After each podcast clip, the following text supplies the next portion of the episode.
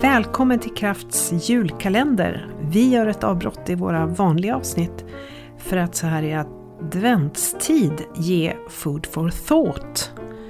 Eh, det blir ett avsnitt om dagen, ungefär 7-12 minuter. Det kan variera lite beroende på ämne och lust här i Kraftpodden.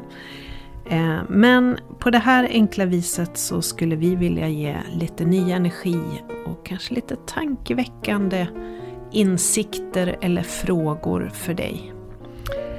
Och eh, vi hoppas att eh, du som lyssnar ska tycka att det här inspirerar och vi vill samtidigt passa på att önska dig en riktigt fin decembermånad. Och så småningom en riktigt god jul och ett gott nytt år. Välkommen! God morgon! Dags för nästa julkalenders lucka i Kraftpodden. Och idag så tror jag vi inleder med att citera Astrid Lindgren som sa Låt därför livet bära med sig vad det vill och låt mig vara stark nog att ta emot vad det bjuder. Igår så pratade vi om akronymen VUCA som nu börjar bytas ut mot en annan akronym för att vara med i det som händer som en beskrivning av världen och den akronym som man nu börjar prata om är BANI. Och BANI det står för Brittle, Anxious, Non-Linear och Incomprehensible. Så kort på svenska, det är bra att ha koll på det här framöver tror jag. Eh, det kommer att pratas mycket om BANI framöver.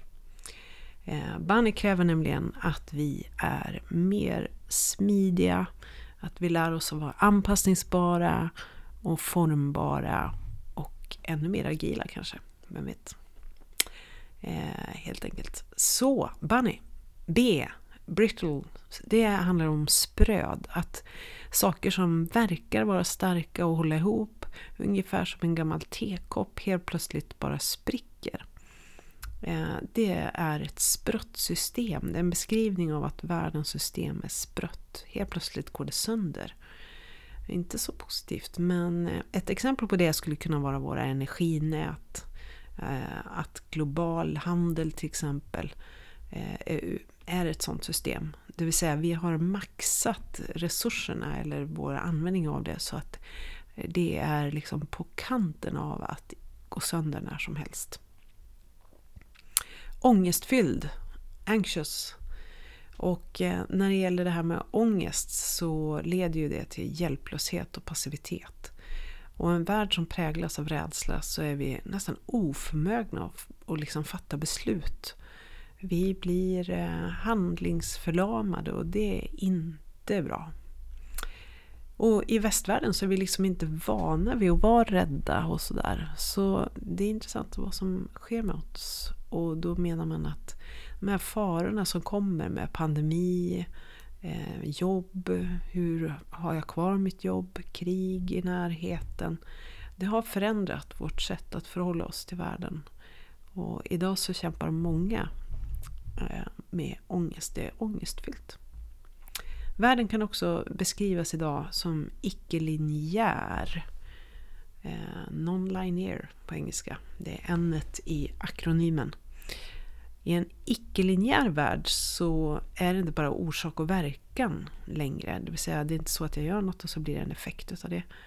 Eh, utan det är mer systemiskt eller liksom det är svårt att förutse och det där är ju lite likt det som beskrevs i boken kan jag tycka. Men det är oproportionerligt liksom hur saker och ting hänger ihop och det är svårt att förutspå effekter av utsläpp och föroreningar. Och det som händer i vårt klimat idag, det kanske är sånt som vi gjorde på 50, 60, 70, 80-talet. Vad. Hur, om det går så lång tid mellan orsak och verkan så är det också svårt att hantera det.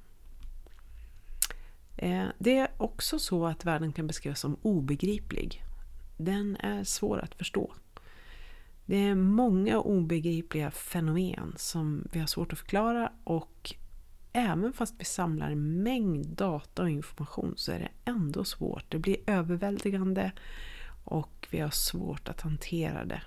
Om man bara tänker på den IT och data som lagras och programmeras idag per dag så är det ju helt enormt. Det här gör att vi behöver hitta nya sätt att förhålla oss till världen. Och här säger man att vi behöver öka vår smidighet. Eh, System i alla områden förändras och måste förändras vilket kräver nya sätt att tänka som vi behöver utforska just nu. Och ett av de sätt som man pratar om är att öva sin resilience. Jag kommer att tänka på Per Lagerkvist. Han eh, var litteraturpristagare, Nobelpristagare i litteratur ska jag säga. Och han har ju skrivit mycket om existentiella ämnen som ångest, oro, glädje. Han uttrycker sig ofta enkelt och kärnfullt. Och eh, så här uttrycker sig Per Lagerkvist i den här dikten. Oroas ej, räds ej i uppbrottstimmen. En vänlig hand lugnt ordnar båtens segel som för dig bort från kvällens land till dagens. Ha en fin dag!